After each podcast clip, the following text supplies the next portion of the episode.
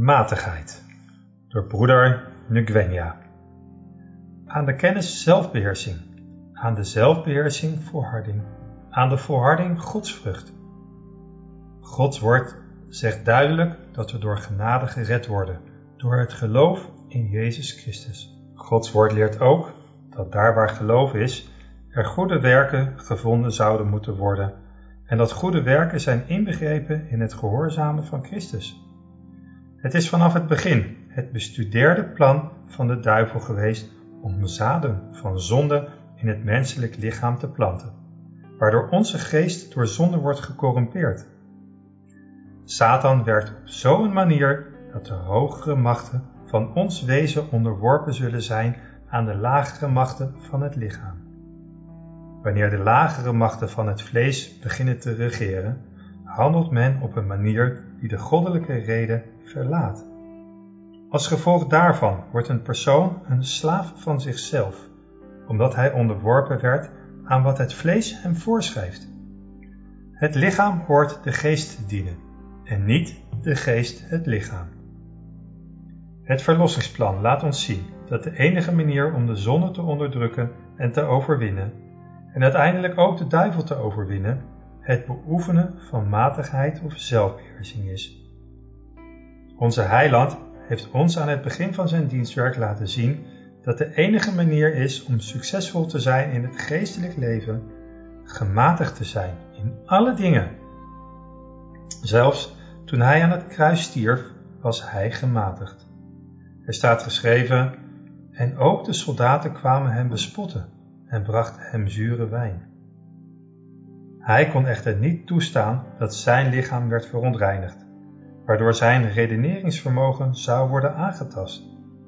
Voor onze redding is matigheid een belangrijke sleutel, want er staat geschreven: En iedereen die aan een wedstrijd deelneemt, beheerst zich in alles. Zij nu doen dat om een vergankelijke krans te ontvangen, maar wij om een onvergankelijke te ontvangen.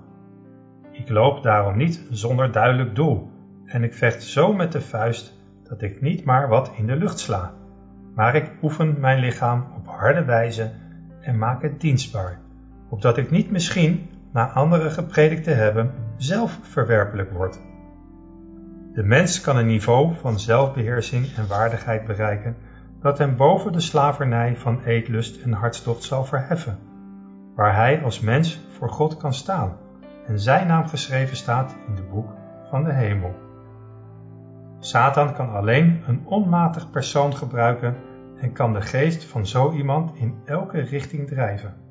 Door onmatigheid offeren sommigen van hen hun halve, anderen twee derde van hun lichamelijke, mentale en morele krachten op en worden een speelbal in de handen van de vijand. Gevolgen van onmatigheid. De wereld is corrupt en vol geweld ziekte, misdaad en meer. Als je de drijvende kracht achter dit alles zou traceren, dan zou je merken dat het gebrek aan matigheid aan zelfbeheersing is. Zoals de geest der profetie aangeeft. Onmatigheid is de grondoorzaak van het grootste deel van de ziekte van het leven. Ze vernietigt jaarlijks tienduizenden. We spreken niet alleen van onmatigheid als beperkt tot het gebruik van bedwelmende dranken, maar geven er een bredere betekenis aan. Ook de schadelijke toegeeflijkheid van elke eetlust of hartlust. Matigheid in alle dingen. Matigheid in alle dingen van het leven moet geleerd en toegepast worden. Matigheid in eten, drinken, slapen en kleden is een van de grootste beginselen van het godsdienstig leven. Waarheid die in het heiligdom van de ziel gebracht wordt, zal gids zijn in de behandeling van het lichaam. Niets dat te maken heeft met de gezondheid van het menselijk werktuig mag met onverschilligheid beschouwd worden. Ons eeuwig welzijn hangt af van het gebruik dat wij gedurende dit leven maken van onze tijd, kracht en invloed.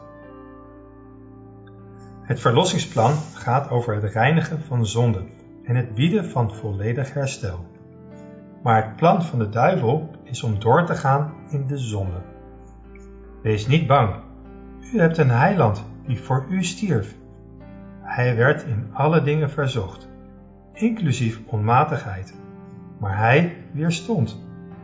Bedenk hoe men toegaf en aflaten door de Rooms-Katholieke Kerk werden verkocht omdat priesters beweerden zondaars te kunnen vergeven en te reinigen van tijdelijke straf, zelfs na de dood. Velen geven nog steeds toe aan hun eet- en drinklust, drugsgebruik en nemen andere ongezonde gewoonten aan. Het is een heel moeilijke zaak om de gewoonten die gedurende het leven gevormd zijn en tot een onmatige eetlust hebben geleid, af te leren. De boze geest van onmatigheid wordt niet gemakkelijk overwonnen.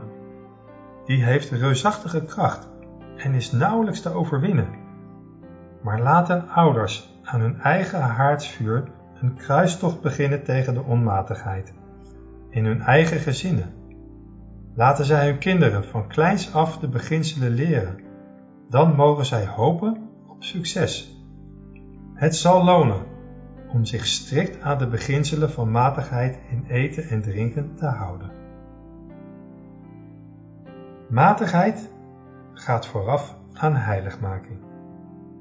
In de Bijbel wordt ons verteld dat we Jezus dienen te vragen om ons te reinigen van alle lichamelijke onzuiverheden en ons te heiligen. In ons christelijke levenswandel zouden wij eraan moeten denken dat het doel van dit leven heiligmaking is. Velen zullen spijt hebben wanneer zij op de laatste dag van het oordeel horen: Ik heb u nooit gekend. De geestenprofetie waarschuwt.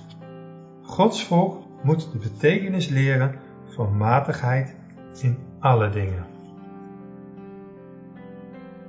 Alle zelfbevrediging moet uit hun leven weggesneden worden voor zij werkelijk kunnen verstaan wat de betekenis is van heiliging en van eenvormigheid aan de wil van Christus, moeten zij door samenwerking met God de overwinning behalen over verkeerde gewoonten en praktijken. In het eten. Ware matigheid leert ons geheel afstand te doen van alles wat schadelijk is en oordeelkundig gebruik te maken van wat gezond is. Er zijn maar weinigen die echt inzien hoeveel hun gewoonten van eten te maken hebben met hun gezondheid, hun karakter, hun bruikbaarheid in deze wereld en hun eeuwige bestemming. De eetlust moest altijd onderworpen zijn aan de morele en verstandelijke krachten. Het lichaam moest de dienaar van de geest zijn en niet de geest de dienaar van het lichaam. Degenen die onmatig en onredelijk eten en werken, praten en handelen vaak ook vaak onredelijk. Het is niet nodig om alcoholische dranken te gebruiken om onmatig te zijn. De zonde van onmatig te eten, te vaak te eten, te veel te eten en te rijk, ongezond voedsel tot zich te nemen, vernietigt de gezonde werking van de verteringsorganen, treft de gedachte, vertroebelt het oordeel, verhindert redelijk, kalm, gezond denken en handelen. De eerste stap naar matigheid is het beheersen van onze eetlust. Hoe? We moeten ons afvragen, waarom eten en drinken we? En ook, wat eten of drinken we? Het lijkt erop dat een groot aantal mensen de redenen waarom ze eten en drinken vergeten is. De eetgewoonten van de meeste mensen worden bepaald door smaak. Ze vragen zich nooit af, hoe kan ik hier baat bij hebben? Maar eerder, hoe smaakt het? Dit is de reden waarom veel mensen nooit thuis eten, maar in plaats daarvan voor restaurants kiezen, omdat daar het eten over het algemeen wordt gekookt om de smaak te bevredigen en niet om het lichaam te versterken of ter opbouwing van goed bloed. De meeste mensen eten bijvoorbeeld liever chips of gebakken aardappelen dan gekookte aardappelen. Maar gekookte aardappelen zijn gezonder omdat ze gemakkelijker verteerbaar zijn en in het lichaam ten goede komen. Wat we ook eten en drinken, het moet gezond bloed opbouwen om lichaam en hersenen te voeden, om goed te kunnen denken en dingen te verrichten. Velen in onze gemeente denken dat het zich onthouden van vleeswaren alles is wat met matigheid te maken heeft. Maar matigheid betekent niet alleen het zich onthouden van alles wat schadelijk is, maar ook het matigen van alles wat gezond is. Matigheid is het uitoefenen van zelfbeheersing. In het werk. Wij moesten in ons werk matigheid betrachten. Het is niet onze plicht om te plaatsen waar wij overwerkt raken. Sommigen kunnen tijdelijk geplaatst worden waar overwerk nodig is. Maar dat moet een uitzondering zijn, geen regel.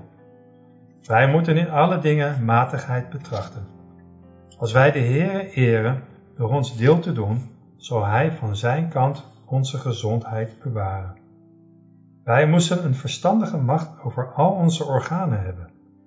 Door matig te zijn in eten en drinken, in het kleden, in het werk en in alle dingen, kunnen wij onszelf doen wat geen arts voor ons kan doen.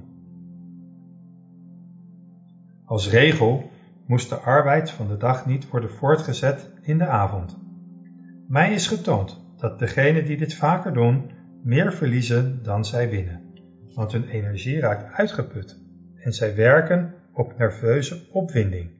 Zij realiseren zich de directe schade niet, maar zij zijn zeker bezig hun gestel te ondermijnen. Wij danken God dat Hij ons de rustdag heeft gegeven, de Sabbat. We leven in een tijd waarin veel mensen rijkdom najagen en nooit rust zoeken, voordat ze rijk geworden zijn. Maar de ironie is dat als ze eindelijk beginnen te rusten, zij sterven en hun eeuwige leven samen met de aardse rijkdommen verliezen. Waarom verliezen ze beide werelden? Het komt door onmatigheid in het werken. In Prediker 4 vers 8 staat, Daar is er één en geen tweede. Hij heeft ook geen kind, noch broeder. Nochtans is aan al zijn arbeid geen einde. Ook wordt zijn oog niet verzadigd van de rijkdom en zegt niet, voor wie arbeid ik toch en doe mijn ziel gebrek hebben aan het goede. Dit is ook ijdelheid en het is een moeilijke bezigheid. In de kleding. In alle opzichten moest de kleding gezond zijn. Boven alle dingen wens God dat wij gezond zijn. Gezond naar lichaam en ziel. En wij moeten werkers zijn tezamen met Hem voor de gezondheid van zowel ziel als lichaam. Beide worden bevorderd door gezonde kleding. Die moest bevallig zijn, keurig en passende natuurlijke eenvoud bezitten. Christus heeft ons gewaarschuwd voor de ijdelheid van het leven, maar niet tegen natuurlijke bevalligheid en schoonheid. Een andere oorzaak van ziekte vandaag de dag is het onjuist gekleed zijn. Mensen zijn slaven van de mode geworden. De mode van vandaag kent de weersgesteldheid niet. De meeste kleding bedekt de ledematen niet goed en ze blijven blootgesteld aan hitte of aan kou. Het gevolg is ziekte. Weinigen beseffen dat wat ze dragen hun fysieke, mentale en geestelijke gezondheid beïnvloedt.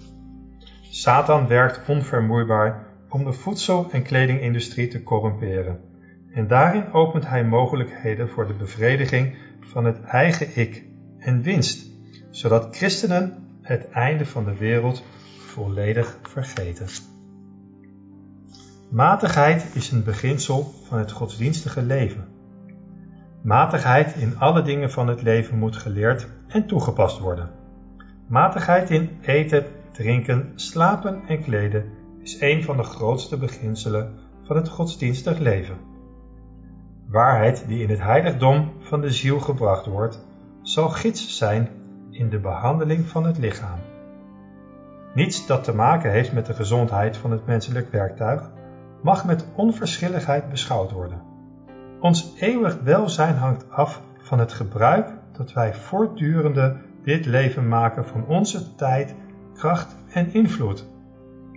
Geliefde broeders en zusters, laten we niet vergeten dat ons hier slechts één leven verleend is en het onderzoek bij een ieder zou moeten zijn: hoe kan ik mijn leven investeren zodat het de grootste winst oplevert? Hoe kan ik leven tot eer van God? Laten we aan het einde van het jaar ons leven bekijken, nadenken over hoe we de race in 2020 hebben gelopen en welke veranderingen er nog kunnen worden aangebracht, nu er nog genadetijd is. Wees gezegend. Amen.